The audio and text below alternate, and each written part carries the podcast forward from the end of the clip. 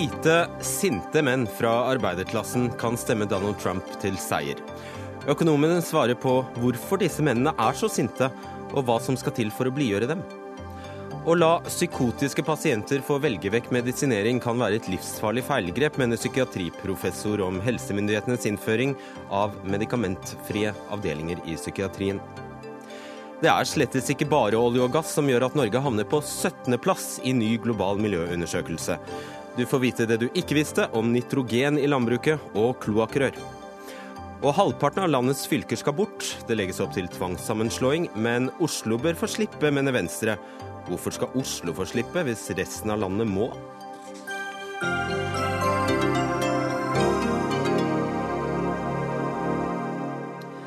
Vi ønsker god kveld og velkommen til Dagsnytt 18. Jeg heter Fredrik Solvang. I talen sin til det demokratiske landsmøtet forrige uke sa Barack Obama at uh, verden utenfor USA ikke forstår hva det er som skjer i den amerikanske valgkampen. Uh, og nå skal vi gjøre et forsøk på å forklare hvorfor sinte, hvite menn fra arbeiderklassen kan uh, klare å stemme fram Donald Trump til Det hvite hus. Den gruppa som aller ivrigst støtter Trump, er nemlig hvite menn som tjener under 450 000 kroner i året, mens kun 30% av republikanske velgere med høyere utdanning stiller seg bak Trump, ifølge Washington Post. Så hvorfor er de sinte? Hvorfor er de både sinte og hvite? Og har de grunn til å være sinte? Og hva skal til for å blidgjøre dem? For ordens skyld skal jeg først uh, bare si at uh, vi lar denne samtalen dreie seg om de økonomiske forklaringene, så snakker vi ikke om de kulturelle og alle de andre forklaringene som fins. Innvandring og islam f.eks. lar vi ligge til en annen dag. Kjell Salvenes, du er professor ved Norges handelshøyskole. Grovt sagt, hvem er de som støtter Trump aller mest? Ja, hvis en ser på, eh, La oss se litt på historien. så Historien om den amerikanske økonomien var at uh, ulikheten ble mindre og mindre fra krigen av, siste krig av, fram til midten av 70-tallet. Og Så så en plutselig at en fikk større og større ulikhet. Altså, Noen dro mer ifra, det særlig de høyutdanna, og noen ble sakka akterut uh, og faktisk ikke hadde en reallønnsøkning. uh. Og hvem var det? Ja, Det var de lågutdanna fattige, kanskje også hvite amerikanerne. Og Hva var det som hadde eh, skjedd før har... det, Salvene, som gjorde, at, eh, som gjorde at de faktisk hang med? Ja, altså, Det er mange forklaringer på dette, men uh, det som skjedde før, i det som ofte amerikanerne kaller for The Great Society, da en hadde under Johnson og Kennedy, når en hadde stor utbygging av og velferdsstaten i USA, sånn at alle skulle bli med. og Eh, og likheten økte. Fra midten av 70-tallet, det som skjedde da, var at eh, en fikk økt teknologisk endring, og etter hvert ut på 90-tallet og øka globalisering slo inn i den amerikanske økonomien, som i og for seg gjorde òg den norske. Og Disse faktorene, eh, altså økt handel, økt teknologisk endring, eh, viser forskning ser ut til å favorisere de med høyere utdannelse. Og de med lavere utdannelse, jobbene deres forsvinner. Og de nye jobbene som blir skapt, som, og de blir skapt i stor stil i den amerikanske økonomien, de har et annet innhold enn før. Altså de er mer tilpassa de med høyere utdanning. Og hvordan kan man da forklare Trump Nei, altså En måte å tenke på dette på, og i for seg eh, litt av det samme som skjedde med brexit i England nå, er at eh, de som har sakka akterut, eh, har nok følt at de har ikke hatt noen talerør. Så de er frustrerte, og, og på en måte teppet har blitt dratt unna den the working middle class, som de sier i USA. Altså de som i en slags middelklasse, middelklasse tjente godt i industribyene og var en del av middelklassen. Teppet har blitt dratt under dem, deres jobber har forsvunnet. Eh, kanskje særlig eh, pga. globalisering de siste 10-15 årene, men før det, og også nå, teknologisk endring. Ja, Det er faktisk så ille at, at middelklassen i USA, Halvor Melum, professor ved Universitetet i Oslo, har opplevd reallønnsnedgang og i hvert fall stagnasjon. Eh, og da snakker vi jo om egentlig kjernen av det amerikanske prosjektet. Vi snakker om muligheten til å oppfylle den amerikanske drømmen. Og da dreier det seg om sosial mobilitet. Hva, hva, vi, hva er sosial mobilitet? Ja, Sosial mobilitet er muligheten for eh, barn av eh, arbeiderklassen å komme seg oppover. Men det er også muligheten for barn av overklassen å gå nedover. Så det er hvordan sammensetningen av samfunnet er, endrer seg fra generasjon til generasjon. Er det lett for de flinke og dyktige entreprenørene å, å klatre, og er det slik at de som ikke jobber på skolen og som griper mulighetene, om de blir straffet? Så det er Sosial mobilitet det er eh, bra for dem som klatrer opp, og det er eh, dårlige nyheter for de som går nedover. Eh, så, så den måten samfunnet er skrudd sammen på, bestemmer hvor, det, hvor, lett det er å komme seg opp, og hvordan det er lett for barn av folk med moderat lønn å få en høyere lønn og en bedre velstand enn det foreldrene hadde. Som vi hørte Kjell Gunnar Salmanes si, så er utdanning blitt mer og mer viktig for å få en høy lønn. Og da vil eh, muligheten til å få eh, eh, god utdannelse være avgjørende. Og det er noe som en faktor hvor Norge skiller seg dramatisk fra USA. I og med at I USA så må foreldrene i stor grad betale for barnas utdannelse. Og da blir barna av fattige foreldre sittende i en felle, rett og slett. Og I USA har det nå blitt sånn at de 400 rikeste personene eier 62 av eh, USA. I andre enden av denne sosiale mobilitetsskalaen finner vi altså eh, Norge. Kan du forklare hvor stor mobilitet vi har i Norge, og hvor liten de har der? Ja, Vi har stor mobilitet i Norge i den forstand at mulighet til å få utdanning er høy og svært god eh, for alle. Eh, det er selvfølgelig fortsatt slik at de med foreldre som har høy utdannelse, blir stimulert og inspirert til å ta utdannelse, men eh, de økonomiske barrierene for eh, utdannelse er ikke så høye som de er i USA. Så det er en dramatisk forskjell. Og det er mye sterkere Eh, gjennomslag i foreldrenes utdannelse på barnas utdannelse i USA enn det det er i Norge. I Norge så er eh, barnas utdannelse i stor grad uavhengig av hva foreldrene hadde av utdannelse. Hvorfor det? Eh, ja, Det skyldes at det er offentlig finansiert utdanning i Norge i svært stor grad, og svært liten grad i USA. Når du snakker om disse svært rike, så har jo det med formuer som er skapt og verdier som er i aksjer og næringslivet. Så det er jo noe som vi også har i Norge at de superrike arver foreldrenes eh, formuer. Men likevel har vi høyere mobilitet enn eh, Vi har høyere eh, mobilitet når det gjelder tilgang til godt betalte jobber, men vi har ikke nødvendigvis høyere mobilitet når det gjelder tilgang til de svære formuene. Gigantformuer i Norge er like konsentrert som gigantformuer i USA. Mm. Mathilde Fasting, du er siviløkonom i Civita. Du mener at den sosiale mobiliteten i Norge ikke er så god som en kanskje skulle trodd? Nei, først og fremst er det jo riktig som sier seg at det er både vanskelig å måle, og kanskje konklusjonen også er at uh, i det hele tatt for noe samfunn å få til en veldig stor sosial mobilitet er rett og slett vanskelig. Men uh, som det også sies, sammenligner vi oss med USA, så scorer jo Norge høyt. Og da er jo, som det også ble nevnt, utdanning veldig viktig. Men uh, så er det også noen forskere som har gått litt lengre til verks, eller gått på lange linjer og sett på hva foreldrene betyr for barnas muligheter. Og det er blant annet en forsker forsker eh, som heter eh, Gregory Clark, som har sett på etternavn og hvordan barn gjør det over mange hundre år i veldig mange samfunn i verden. Og han har funnet ut bl.a. at Sverige, hvor man, som kan sammenlignes med Norge, er eh, av sosial mobilitet mye mindre enn det man skulle tro hvis man så på de veldig lange linjene. Men likevel så understreker også han, til tross for da den skuffelsen man kanskje skulle si at man trodde at Sverige og Norge hadde veldig veldig høy mobilitet, så sier han likevel at eh, i land som satser nettopp på utdanning og gjør de tingene som vi faktisk vet påvirker, eh, at det, er, at det er bra. Og at det er en del likevel som gjør at barn kan velge utdanning fritt, og også etter hvert få jobber. Fordi det handler ikke bare om utdanningen, det handler også om at arbeidslivet har en kapasitet til å suge opp det som blir utdannet, slik at man får de jobbene som man da faktisk eh, utdanner seg til. Fordi brister den tilliten, så, så brister brister også meningen med å ta utdanning. Så at de to tingene henger sammen, det er også veldig viktig å understreke. Og det tror jeg det gjør i Norge.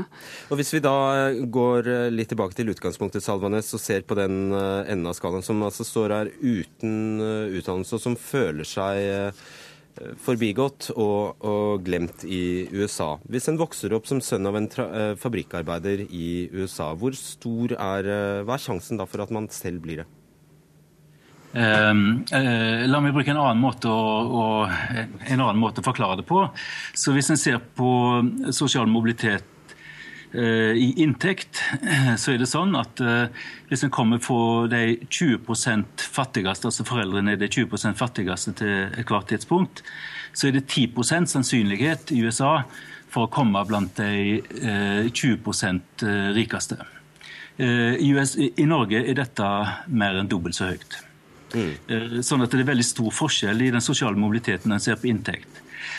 Et par kommentarer til dette med utdanning. Jeg tror òg at det er utdanning som har skapt dette. Selv om når en prøver å jobbe med dette, prøver å forstå sosial mobilitet i utdanning, så finner en et, så det et interessant paradoks. Uh, og det er at uh, hvis en kommer fra har foreldre som har lav utdannelse, la oss si uh, grunnskole, i Norge og i USA, så er det nesten lik sannsynlighet for å, ta, for å få høgskole- og universitetsutdannelse både i USA og i Norge. Så det, det, det er et paradoks her. Altså det det inntekt, være, er det kulturelle det faktorer vi snakker om, da? Ja, altså jeg tror Det er vanskelig å vite hva det er. Ja, det kan være kulturelle faktorer, men det kan òg være helt andre ting. Det kan eksempel, altså, eh, Det er høy mobilitet i inntekt, men veldig lav mobilitet i, i utdanning. Det som jeg tror dette er, eller en mulig forklaring på dette, er at eh, avkastningen på utdanning er veldig lav i Norge. Sånn at en kan tenke seg at de som kommer fra eh, lavutdanna eh, Mener du at du får, for, du får, lite igjen for det i kroner og øre å ta ja. høyere utdanning ja. i Norge? Ja. Men der eh, kan jeg få skyte inn også at eh, jeg har sett at eh, i, i Sørøst-Asia, hvor man har hatt en, en, veldig sterk utdannings, skal vi si nesten en utdanningsrevolusjon, hvor det nå begynner å bli veldig mange generasjoner eller flere generasjoner som har fått veldig fort på kort tid fått høy utdanning, så har man faktisk sett nå av noe som ble publisert bare for noen måneder siden, at det er en brist på tilliten hos dem, fordi de ender ikke opp med de jobbene som de er utdannet til, som jeg var inne på i sted. og Det betyr at de må ta til takke med arbeid som ikke gir den økonomiske avkastningen som de hadde sett for seg da de tok eh, den utdanningen og investerte hva skal jeg si, tid og krefter på, på å nå de kompetansemålene. Så det er en fare for at man også har et utdanningssystem. Det må i hvert fall sørge for at det utdanningssystemet er tilpasset det som man, man tror man skal jobbe med, og at det er et arbeidsmarked som fungerer. Mellom, eh, bare trekke inn en annen faktor her. altså eh, En annen stor motsetning mellom USA og Norge, og det er jo graden av organisering arbe av arbeidslivet. Altså Vi har her et, eh, et svært organisert arbeidsliv, sterke fagforeninger. Mens det er altså det stikk motsatte er tilfellet i USA. Men det har jo ikke alltid vært sånn. I hvilken grad kan det forklare det vi ser? Det er jo slik at Fagforeninger i USA har eh, gått gjennom en forvandling fra å være noe som ligner litt mer på det vi har i Norge, til å bli sterke partsinteresser som beskytter intenst eh, de privilegiene og de jobbene som de som er medlem av fagforeningene har. Eh, og Det gjør at det blir veldig stivbeint og, og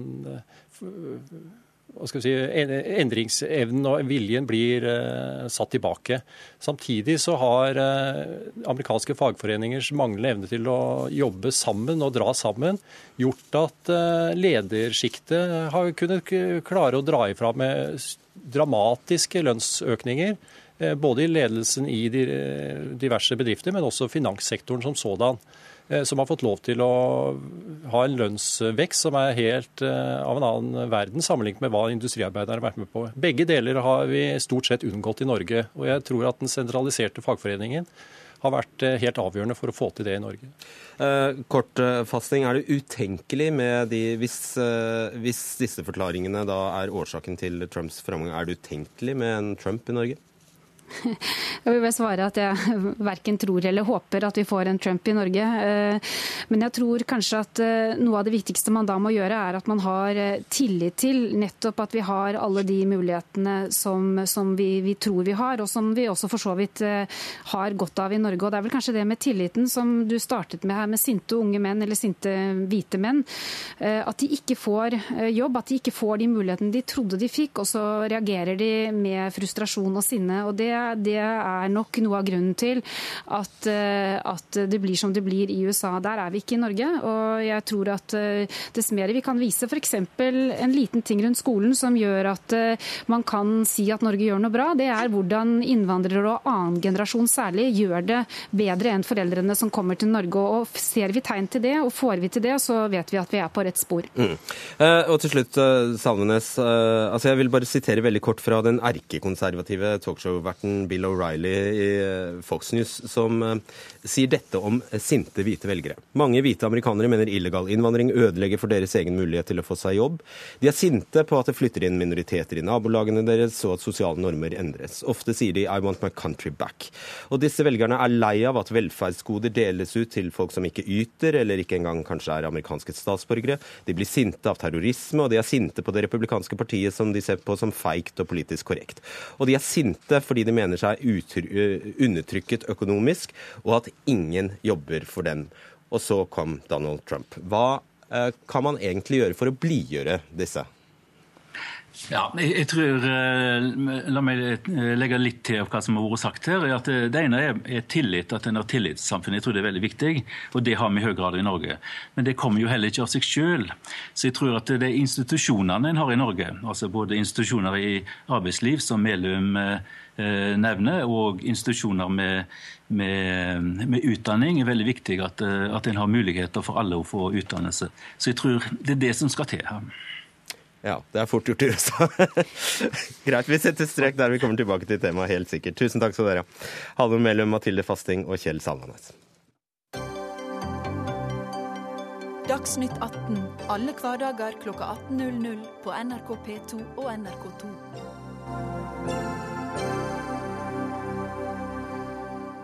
Fra 1.6 i år har psykotiske pasienter selv kunnet velge om de skal medisineres eller ikke ved medisinfrie avdelinger innen eh, psykisk helsevern. Helse- og omsorgsdepartementet mener dette er et stort løft for pasientene. Men er det egentlig det? Eller kan denne valgfriheten i siste instans føre til at liv går tapt? Tor Ketil Larsen, du er professor i psykiatri og overlege ved Stavanger universitetssykehus. og Du skriver i Dagens Medisin at fritt medisinvalg kan være skadelig for disse pasientene. Eh, men først, hvem er det? Hvem er disse pasientene du frykter vil kunne ta skade? Jeg tenker Før vi diskuterer disse detaljene, så er det greit å gå, litt gjennom hva som er symptomene ved psykose. Og Det er jo vrangforestillinger, hallusinasjoner eller tankeforstyrrelser. Og Vrangforestillinger det er ideer om deg sjøl eller omverdenen som er direkte feil. F.eks. at du føler deg forfulgt uten at du er det, eller at du tenker at du er ekstremt intelligent uten at du er det. Hallusinasjoner det kan du ha for alle sansekvaliteter, men det typiske er at en hører stemmer som kan be en om å gjøre ting, f.eks. skade seg sjøl eller andre. Og tankeforstyrrelser det er jo det at en f.eks. kan eh, tenke at andre leser tankene eller styrer tankene. Det, det, som er gjennomgående her, er jo at dette er symptomer som er veldig plagsomme, og som fører til at folk fungerer veldig dårlig både sosialt, skolesammenheng, arbeid. Folk får store problemer med å ivareta seg sjøl. Og så er da den typiske gangen at man plukkes opp av eh, kanskje en fastlege, hva vet jeg. I hvert fall så havner du da, hvis vi forutsetter at du havner på en avdeling i psykisk helsevern, eh, bank på døra der, og da har normen vært at da skal du medisineres hvis du blir erklært psykotisk. Ja, altså Jeg liker jo ikke ordet 'erklært psykotisk'. Jeg tenker Det det handler om, er jo å møte mennesker som har sykdommer, og prøve å hjelpe dem på best mulig måte. Og Vi jobber til det vi kaller en biopsykososial modell, hvor både biologiske, psykologiske og sosiale aspekter skal ivaretas. Dette er ivaretatt i eh, retningslinjene for behandling av psykoselidelser ved Helsedirektoratet utvidet i 2013 hvor det å ha samtale med pasientene, eventuelt tilby innleggelse, hjelpe med økonomi, bolig etc., og det å prøve ut medisiner, er de tiltakene som skal integreres. Så Den gode behandlingen den vil ta, ha fokus på alle disse aspektene. Ja. Så For å gjøre en lang historie kort. Eh, det du reagerer på, er altså at pasientene fra nå av skal kunne velge om de skal medisineres. Det er der eh, skoen trykker for deg. Ja, Det jeg er redd for, er at nysyke pasienter som kanskje ikke har god innsikt i at en trenger behandling, vil kunne velge vekk en del av behandlingen som kunne ha vist seg å vært virksom. Det tenker jeg at er noe vi for all del må unngå at skjer. Og Tone Trøen, du sitter i Stortingets helse- og omsorgskomité for eh, Høyre. Dette lyder jo ganske logisk at nettopp når uh, psykosens natur er slik den blir beskrevet her, så har man ikke forutsetninger for å det, foreta det valget. Jeg syns at Larsen uh kanskje modererer seg litt nå i forhold til den kronikken han hadde i Dagens Medisin. For der syns jeg undertonen eh, var på en måte å sette pasienten i en veldig underlegen eh, stilling. Eh, og når Høyre i regjering sier at vi vil skape pasientens helsetjeneste, så betyr det faktisk at pasienter skal ha reell eh, medvirkning i den behandlingen man skal igjennom. Og det gjelder også pasienter innenfor psykisk helsevern. Eh, og det er jo ikke slik at det kun er medisiner som er svaret. Men du er jo grunnleggende enig i at pasienten må ha samtykkeforstand? Ja, selvfølgelig, men det er jo ikke dermed sagt at pasienter som er eh, under behandling for en psykose, ikke kan få lov å være med i en reell dialog mellom pasient og, og behandler på hvordan behandlingen skal være. Og Det er jo det som har vært utfordringen i dag. At det har knapt eksistert medisinfrie tilbud noe sted i Norge. Og det har brukere eh, og pårørende i mange mange år etterlyst. Det har vært en føring i seks år eh, fra en nasjonal strategi for eh, redusert bruk av, av eh, tvang. Eh, en føring om at det skal innføres medisinfrie tilbud. Eh, den forrige regjeringen bare snakket om det. Nå mener vi at det er, eh, var på tide å kreve av helseregionene at dette skal kunne være et valg for pasientene. Uh ja, Larsen, kommenter. Nei, altså Jeg er jo uenig i dette. For jeg mener at det er et reelt valg. Altså I TIPS-prosjektet som jeg har jobba i vel 20 år, det gjorde vi en tiårs oppfølging av ca. 300 pasienter. 70% av de brukte medisiner til ti år. Det betyr at 30% brukte det ikke. De hadde god dialog med sin behandler etc kommet fram til at de ikke skulle bruke medisiner lenger. Det er ingen tvil om at disse medisinene er det kontroversielt å gi. De kan gi bivirkninger, og en skal for all del ikke bare jobbe med en biologisk modell. Men det en gjør her, det er jo å symbolsk rett og slett utelukke en del av behandlingen. Og, og, og det er jo å skape en splid i psykiatri. Hvordan kan du si det? Jo, altså Etablere medikamentfrie poster. Bare legg merke til ordet. Skulle en hatt psykologfrie soner? Altså, Vi integrerer jo denne behandlingen, og det er vanskelig å vite hvem som vil respondere, hvem som ikke vil respondere på behandlingen. Det å ekskludere og devaluere en del av behandlingen på denne måten her, det er en helt feil vei å gå. Hva er disse alternative behandlingene, Trøen, som du snakker om? Ja, Det kan være mange former for terapeutisk behandling. Jeg har eh, sett at Helse Vest eh, bl.a. på Kronstad DPS i Bergen tilbyr eh, terapeutisk behandling for nysyke unge med psykoselidelser. Har vi forskning som viser at det fungerer? De jobber med et treårig prosjekt nå, ett år ut i det prosjektet. Eh, det er musikkterapi, det er fysisk aktivitet. Vi, og det er underbygd av forskning?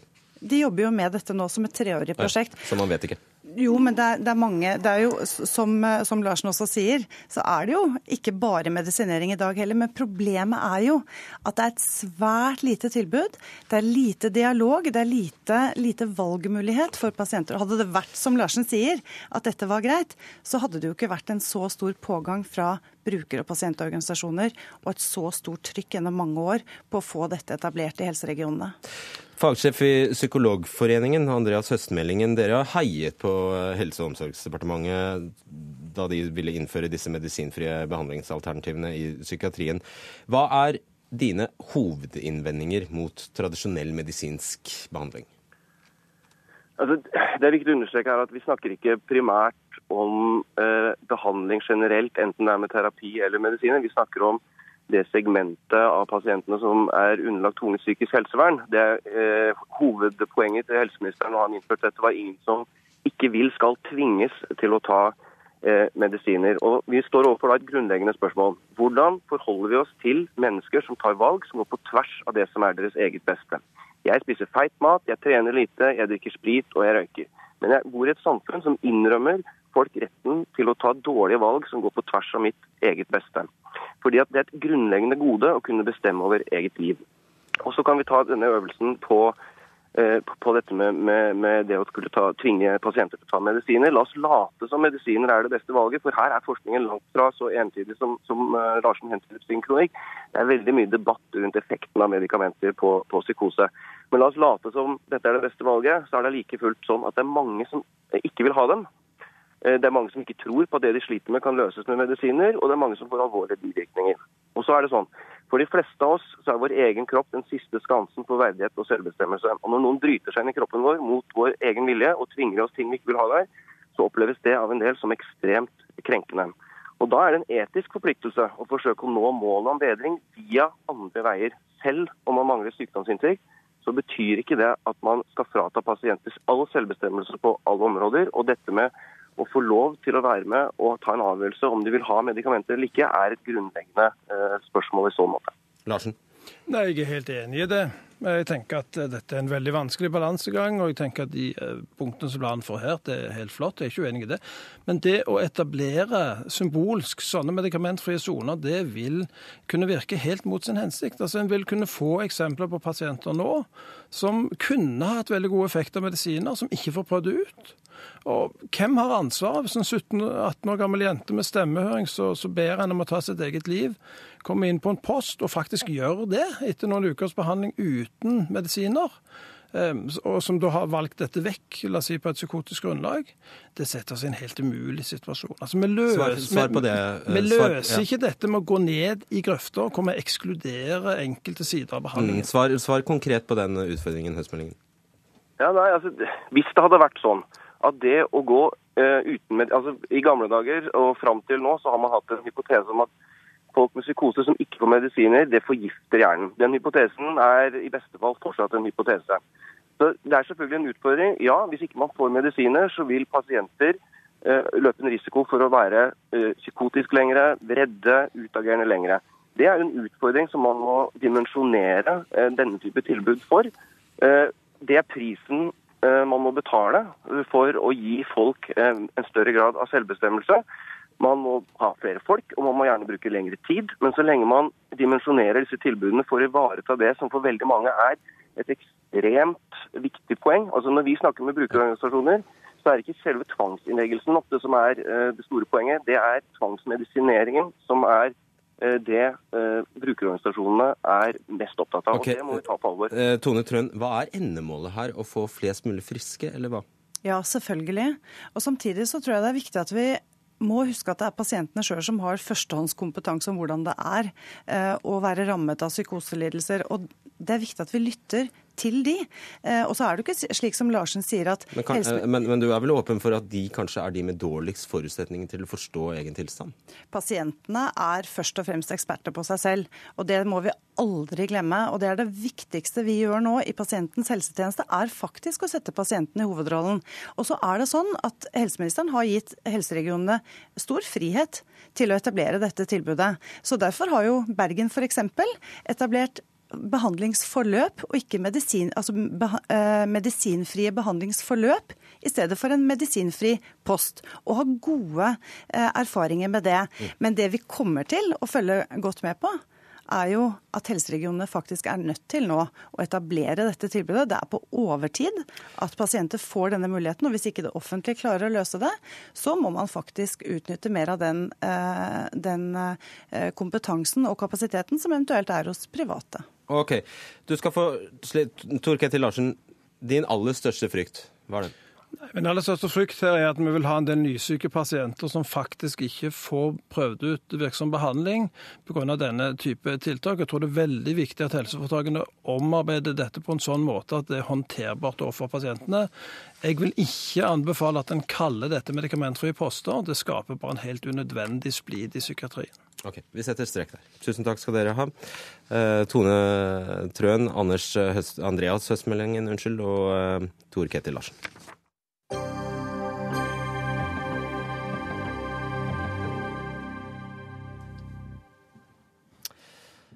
Er eh, Norge best i verden på miljø dersom vi ser bort, bort fra oljen?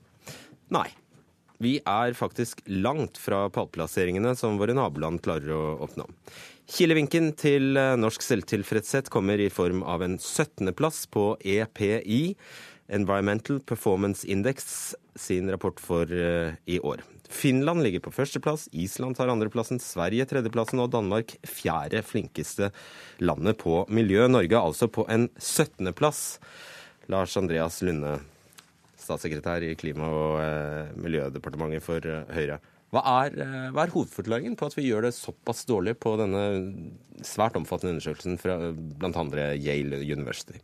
Det er klart Man jubler kanskje ikke over 17.-plasser. Eh, samtidig så skal man ta denne typen miljøindekser med en viss klype salt. For det er klart de er helt avhengig av hvilke indikatorer eh, man velger.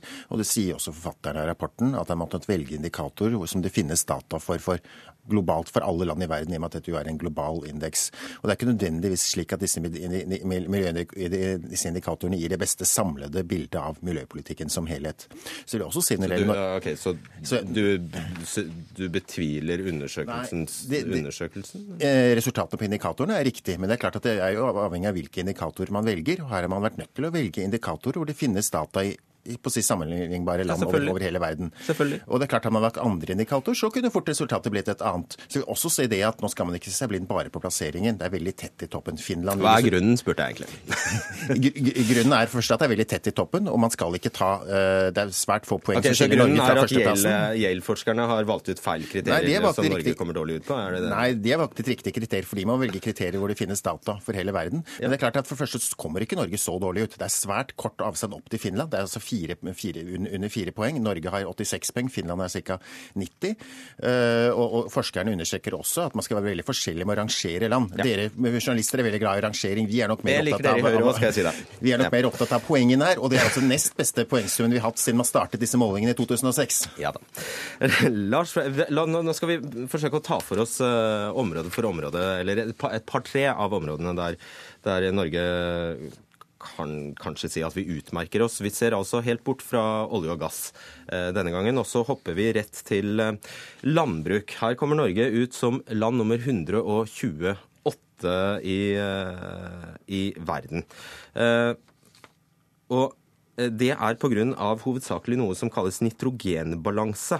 Og Lars Bakken, professor ved Norges miljø- og bioteknologiske universitet.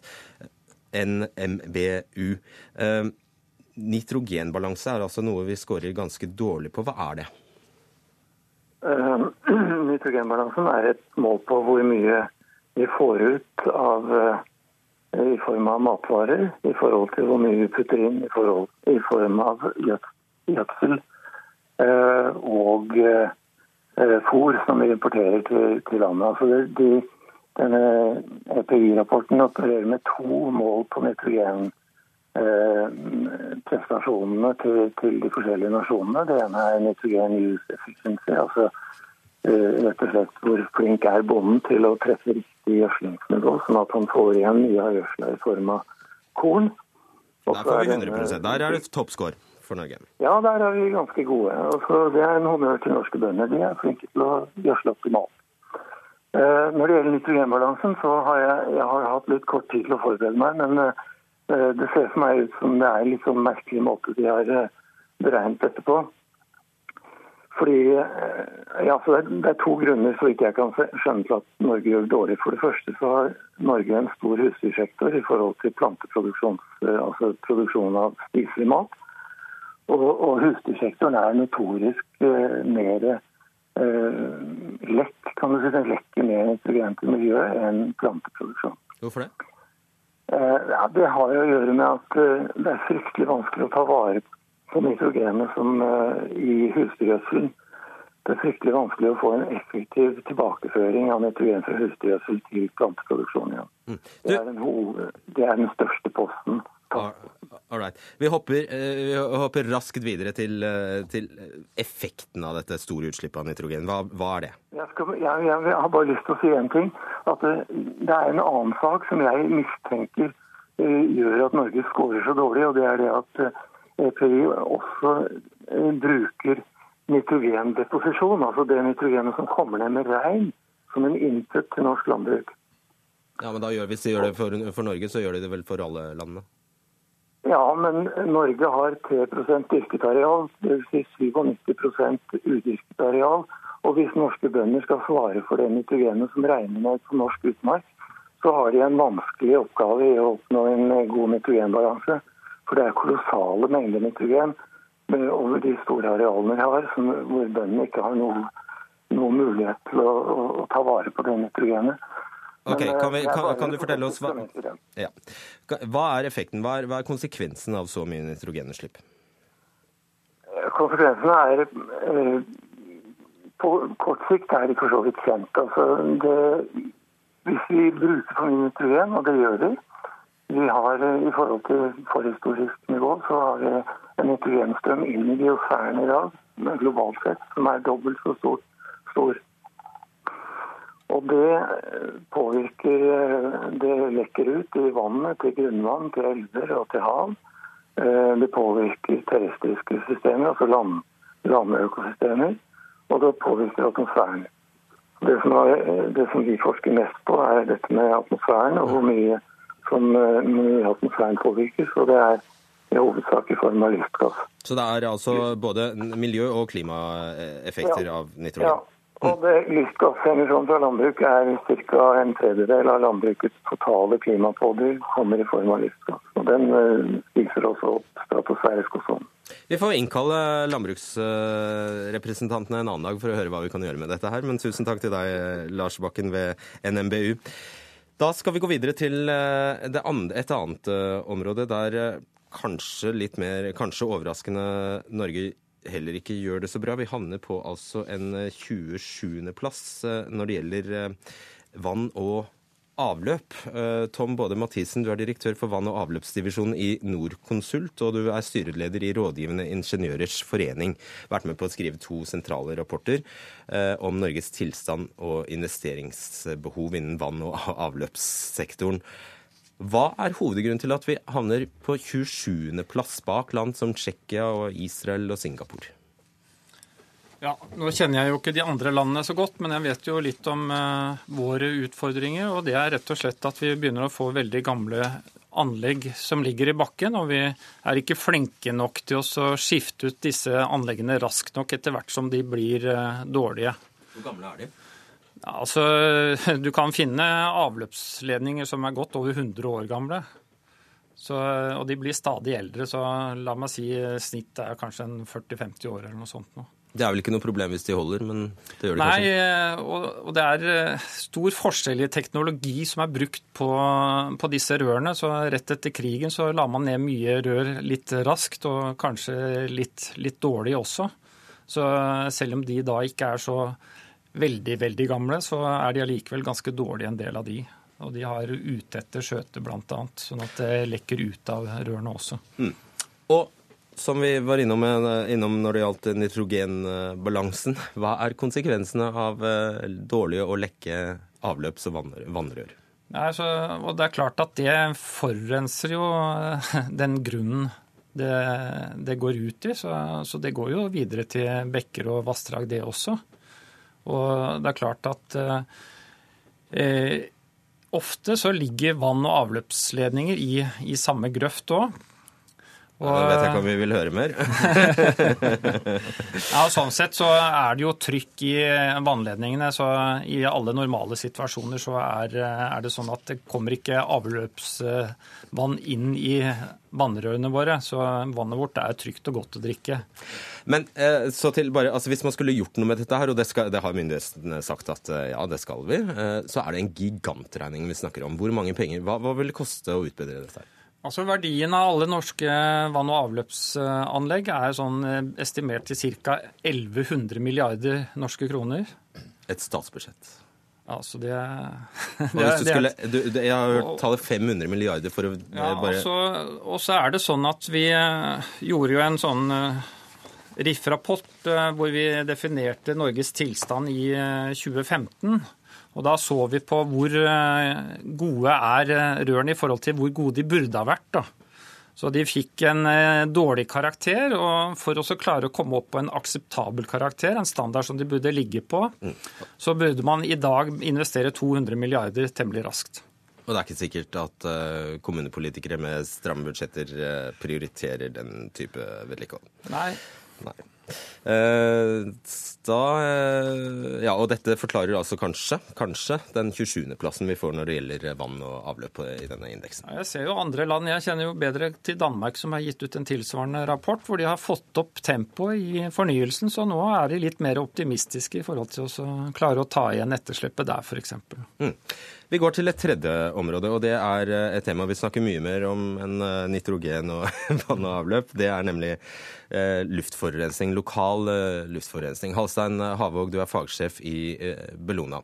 Her kommer altså Norge ut på Altså, vi kommer elendig ut på NO2-utslipp. Uh, altså det er det hovedsakelig gjerne dieselbiler slipper, slipper ut. Her, her, havner vi på 145.-plass av 180 land. Hva skyldes det?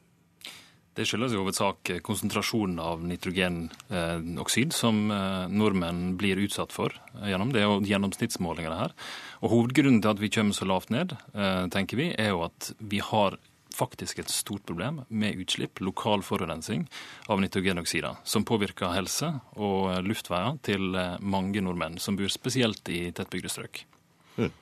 Eh, snakker vi om at dette er et problem for oss alle, eller bare astmatikere, eller hvem snakker vi om? Det er jo naturligvis et akutt problem for folk som har luftveisinfeksjoner og problem, som astmatikere. Men over tid så er en slik påvirkning både av nitrogenoksider og partikler et problem for den generelle helsa vår. Og kan være med på både nedsatt helse og sykdomsproblem senere. Mm. Det er litt bedre da vi er på, havner på ellevteplass hvis vi ser på svevestøv, som fag, fagfolkene kaller PM 2,5. Ellevteplass, mm. eh, eh, men likevel.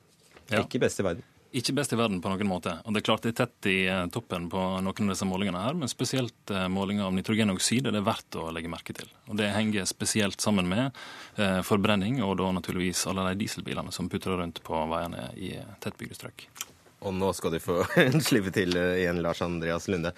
Ja, eh, Hvis vi altså ser helt bort fra olje og gass, som når sant skal sies trekker oss kraftig ned, så er, står det ikke bare bra til her. På en del områder har vi utfordringer, og det ble pekt på tre av dem her, og de er, de er helt enig i. Lokal luftforurensning er et stort problem. Det jobber regjeringen veldig aktivt med. Det vi har akkurat nå gitt, er ferdig med å gi uh, de store byene nye verktøy, slik som lavutslippssoner, differensierte bompengesatser osv., slik at byene skal kunne håndtere dette. For det er klart at der vi, vi, strider blant annet også med EUs regler når det gjelder lokal luftforurensning i, i, våre største byer, som Oslo og Bergen bl.a. Det så vi jo sist vinter, og, og det, det, er noe regjeringen tar tak i for å hindre at vi skal få slike vintre. Uh, fremover. Og rett og slett å gi byene muligheter til å håndtere denne, denne, utfordringen. Og På vann og avløp vet vi også at det var et stort, stort eh, etterslep. Det er også diskutert tidligere, og det er helt, helt riktig som jeg ble poengtert. Og ikke noe særlig ikke så veldig lekkert om de springer lekter? Eh, det er det ikke. Uh, ja, du vil si noe?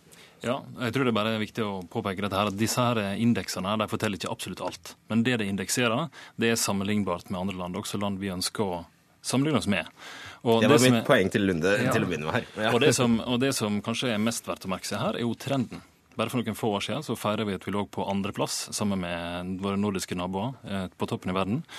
I år så er vi falt ned på 17.-plass, mens våre nordiske naboer fortsatt er på topp. Og jeg skulle gjerne hatt visst du, hvordan du kommenterte undersøkelsen den gangen, Lunde. Ja, det er Kriteriene er også endret fra år til år, altså det sier også, sier også forfatterne her.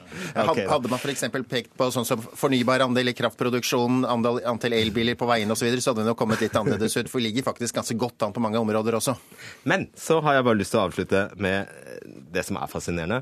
Den aller øverste indikatoren her heter Health Impacts.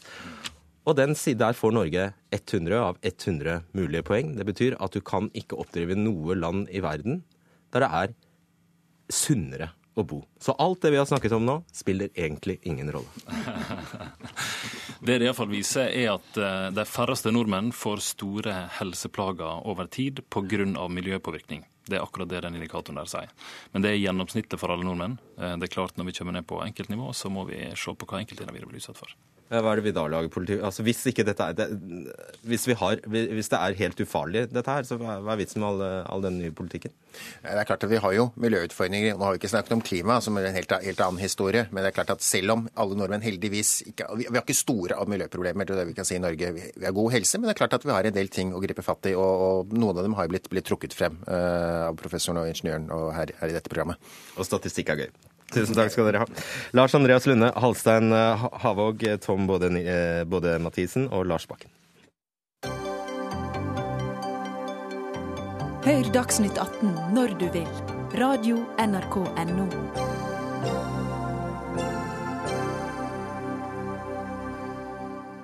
I går begynte USA å bombe IS-mål i Muammar Gaddafis hjemby Sirtre. Libyas diktator ble styrtet i 2011 etter at Nato bombet landet med en FN-resolusjon i, i, ryggen. Siden har lovløshet og borgerkrig vært hverdagen i Libya, og IS har hatt fotfeste i landet siden 2014. Flyangrepene mot IS-bastionen skal ha ført til et stort antall drepte, ifølge libyske myndigheter, og i dag har regjeringsstyrker rykket fram i byen. Cecilie Hellestveit, seniorforsker ved International Law and Policy Institute, ILPI. Eh, dette er jo langt fra første gangen USA bomber eh, IS i Libya, vel? Eh, det stemmer. De bombet opp til en fire-fem ganger i løpet av 2015. Men da var det som en del av operasjonene i Syria og Irak. For da var det en del av de som satt i Irak som regrupperte til Libya. Og da argumenterte amerikanerne med at dette her var skal vi si, en del av de samme operasjonene. Dette er den første gangen amerikanerne bomber Libya basert på en invitasjon fra libyske myndigheter. Og de libyske myndighetene, det er en samlingsregjering som FN skal vi si, frem fremforhandlet, nærmest, i desember i fjor, og som har eh, internasjonal anerkjennelse, og dermed har rett til å invitere amerikanerne inn. Så dette er antageligvis begynnelsen på en mm, lengre sammenhengende operasjon fra amerikanere, og for så vidt kanskje også andre stater, i Libya. Og La oss ta det folkerettslige her. Betyr det at uh dersom kinesiske myndigheter anerkjent av FN og, og bare skulle bestemme seg Nei, vær snill, bom, tibetanerne er snille, så er det også helt lovlig? Liksom? Nå er situasjonen i Libya slik at FNs sikkerhetsråd har definert den som en trussel mot internasjonal fred og sikkerhet. Det gjør situasjonen betydelig enklere. fordi det betyr at du har allerede en krig pågående i landet. Eh, og så lenge du da har én styresmakt som er internasjonalt anerkjent, så har de anledning til å be om hjelp. Eh, for den form for eh, operasjoner som amerikanerne kjører nå. Men dette her er et område av folkeretten som er på en måte eh, ikke kanskje så velregulert som FN-paktens regler, som handler om unntak fra maktforbudet. Dette her er da invitasjonshjemmelen. Hvis, hvis, norske myndigheter trenger hjelp fra f.eks. andre Nato-land i en kamp mot et annet regime, så kan vi invitere folk inn, andre nasjoner inn. Og, og, og det er jo den norske suvereniteten som på, på norsk territorium vi snakker om da. Og det er en, en eh, vid rett, for å si det slik. Men det må da altså komplisere situasjonen at det ikke bare er én, men to regjeringer i Libya? Eh, det gjør det. Det har to parlamenter i Libya som har vært parter i denne borgerkrigen som pågår. Grunnen til at IS har klart å befeste sin posisjon i Libya, og at Libya er det landet hvor IS kanskje har sin tredje sterkeste og største nærvær, er nettopp den borgerkrigen. Fordi IS har klart å gå inn i det rommet mellom disse to regjeringene da, å, å, og, og, lage seg et rom. Det IS har gjort i Libya, er at de gikk inn i de områdene som det tidligere regimet, Gaddafi, hadde sterk støtte i, som ble veldig sterkt bombet under krigen, som Norge også var med eh, på. Eh, og de områdene de ble fullstendig ignorert etter at krigen var over. Så de som støttet Muammar Gaddafi, de eh, er de som i dag støtter IS i Libya. Dette er jo en litt sånn lang reise. Ideologisk kan det synes som her fra Norge, men det er også litt av den dynamikken som gjør at IS klarer å få fotfeste. I tillegg så har IS klart å Ehm, skape seg et momentum i Libya rundt at du har fått folk fra Syria og Irak som har kommet dit som er dyktige militære strateger. Og så har man også fått fremmedkrigere fra afrikanske land. Og dermed har de ja. ja, så Libya begynner å bli en liten sånn nøtt. Og nå har eh, Nato også eh, etter hvert eh, planer om å etablere et senter i Tunisia, nabolandet, hvor de skal kjøre da operasjoner i naboland. Og da er selvfølgelig Libya det nærmeste. Ikke vet jeg om det er en, eller om det oppleves som en nøtt for Obama-administrasjonen, men burde kanskje være det. fordi eh, det er ikke opple altså de, eh, forklar, hva, hva, er begrunnelsen til, fra, i USA for å gjøre dette? Ja, Dette her er en liten nøtt for Obama. Eh, folkerettslig har de sitt på det tørre, men internrettslig i USA er det litt verre. Det er en rettssak på vei opp i det amerikanske rettssystemet som hevder at amerikanske presidenten ikke har autorisasjon til å krige mot IS noen steder. Fordi det amerikanerne har brukt hittil, det er denne krigen mot terrorisme som George W. Bush eh, erklærte i 2001. Og den er jo tross alt mot Al Qaida og deres styrker. Og alle vet at IS jo har erklært krig mot Al Qaida og er slett ikke assosiert med Al Qaida. Så eh, internrettslig så er det et problem i USA. Alle amerikanske politikere og partier er enige om at amerikanerne kan iverksette operasjoner mot IS. Spørsmålet er hva slags autorisasjon skal det være? Skal amerikanerne sette i gang en ny krig som er global mot IS, som også er en global organisasjon med menn eh, fra over 100 land i verden? Og hva betyr det? Demokratene forsøkte å få dette til i fjor, men nå har jo ting endret seg litt. Fordi vi har en valgkamp hvor vi ikke vet helt hvem som kommer til å sitte da med, med si, den autorisasjonen til en nok en global, verdensomspennende krig mot IS. I tillegg til den som altså fortsatt eh, finnes mot Al Qaida. Så nå er det litt rusk i maskineriet eh, i det, i, hos Obama-administrasjonen. Ja, fordi det man jo selvfølgelig kanskje ikke ønsker, er en carte blanche til en president Donald Trump til å føre krig i alle land IS måtte befinne seg. Absolutt. Det er vel en av de store kampene i USA. Hvordan får man begrenset makten til den fremtidige, mulige fremtidige presidenten i USA? Takk skal du ha, Cecilie Helsveit.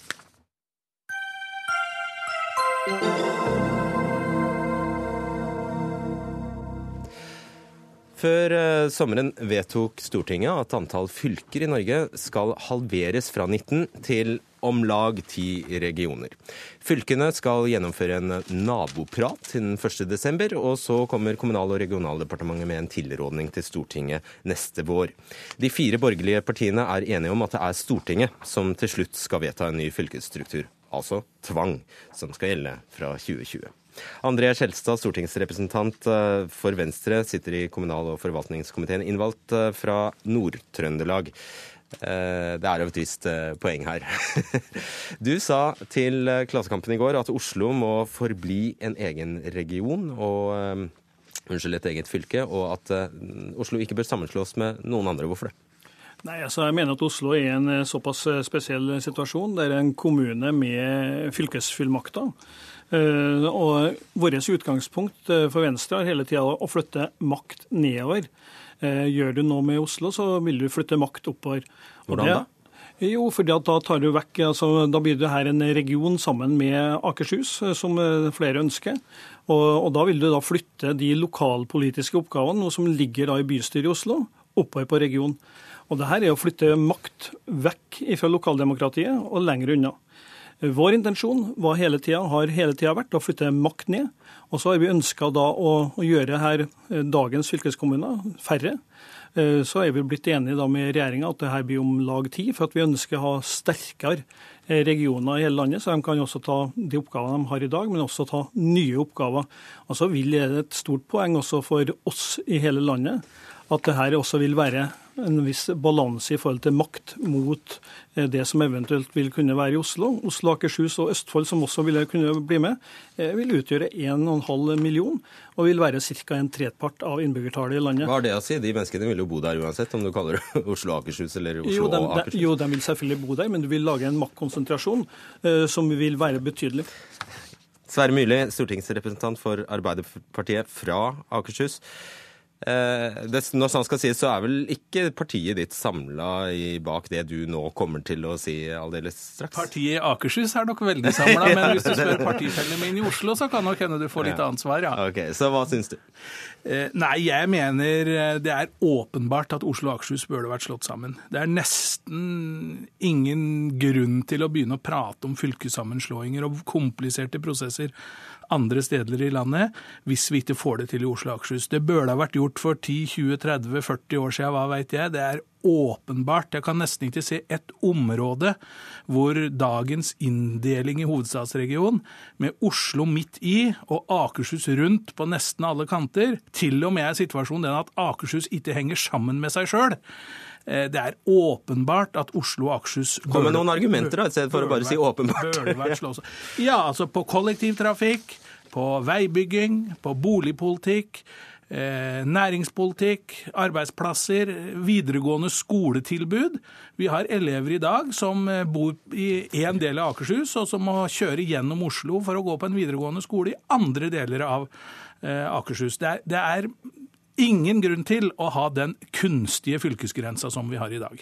Kjelsa. Grenser kan jo være kunstig ganske mange plasser, dessverre. Men eh, det du ikke ser i det store bildet her, det er at eh, samtidig så må jo Østfold også gjøre seg en plass. Det her vil være 1,5 million innbyggere. Ca. en tredjedel av hele landet. Da vil vi ha landsdelsregionene. Vi vil ha en voldsom konsentrasjon rundt én region, som da vil ligge rundt Oslo. Dette vil være uheldig for utvikling i hele landet. Ja, men Hva skal du gjøre med Østfold? Nei, men Østfold kan gjerne, kan gjerne bli med for min del, men, men det, det er meningsløst å slå sammen fylker på det sentrale østlandsområdet uten Oslo og Akershus. Nå jobbes det faktisk med et alternativ hvor Østfold, Akershus og Buskerud skal slå seg sammen uten Oslo. Så vi skal altså få en ny hovedstadsregion uten hovedstaden. Altså, det er jo kommunereformen friskt i minne. Det er jo sammenslåing etter innfallsmetoden.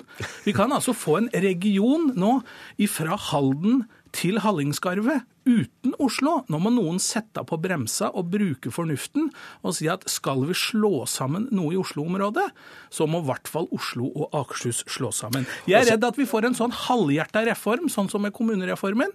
Skal vi gjøre dette, så enten får vi la være, så får det være sånn som det er i dag, eller så får vi gjøre dette ordentlig. Og sånn som det ligger an til nå, blir dette ikke ordentlig. Og, og det, er jo, høres jo, det er jo noe veldig rart med en fylkesreform som skal styres fra Oslo uten at Oslo skal berøres, eh, Skjelstad. Altså, Vi styrer jo definitivt, fordi at eh, i klar tekst så sier vi at nå foregår nabosamtalene fram til jul. Eh, da vil Stortinget ha styringa på det her.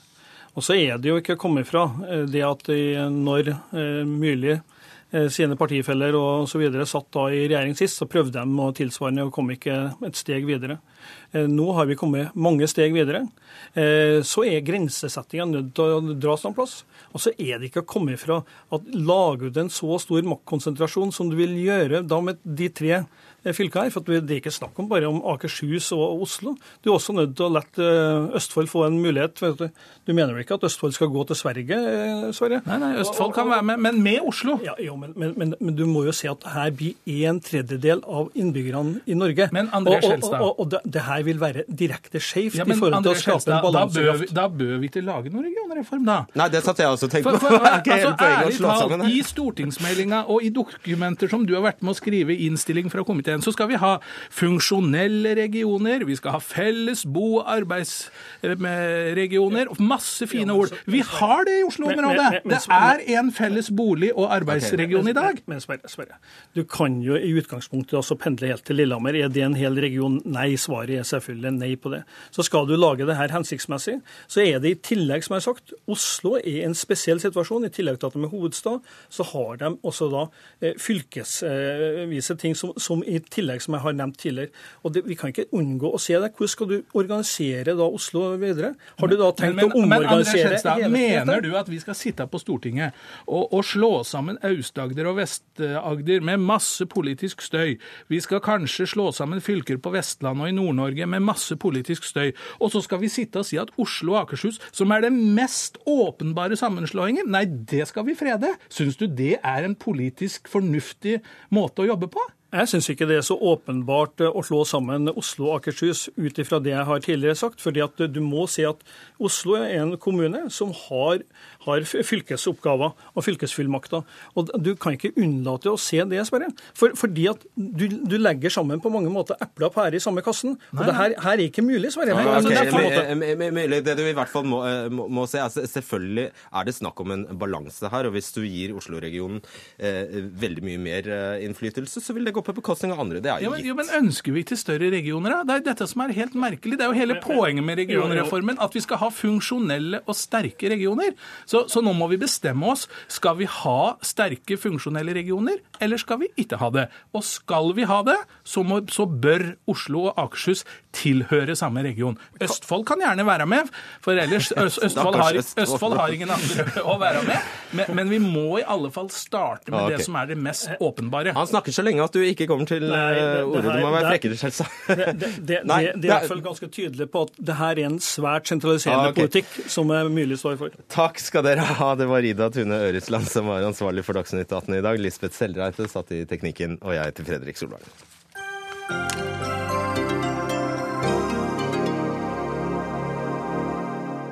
Hør flere podkaster på nrk.no podkast.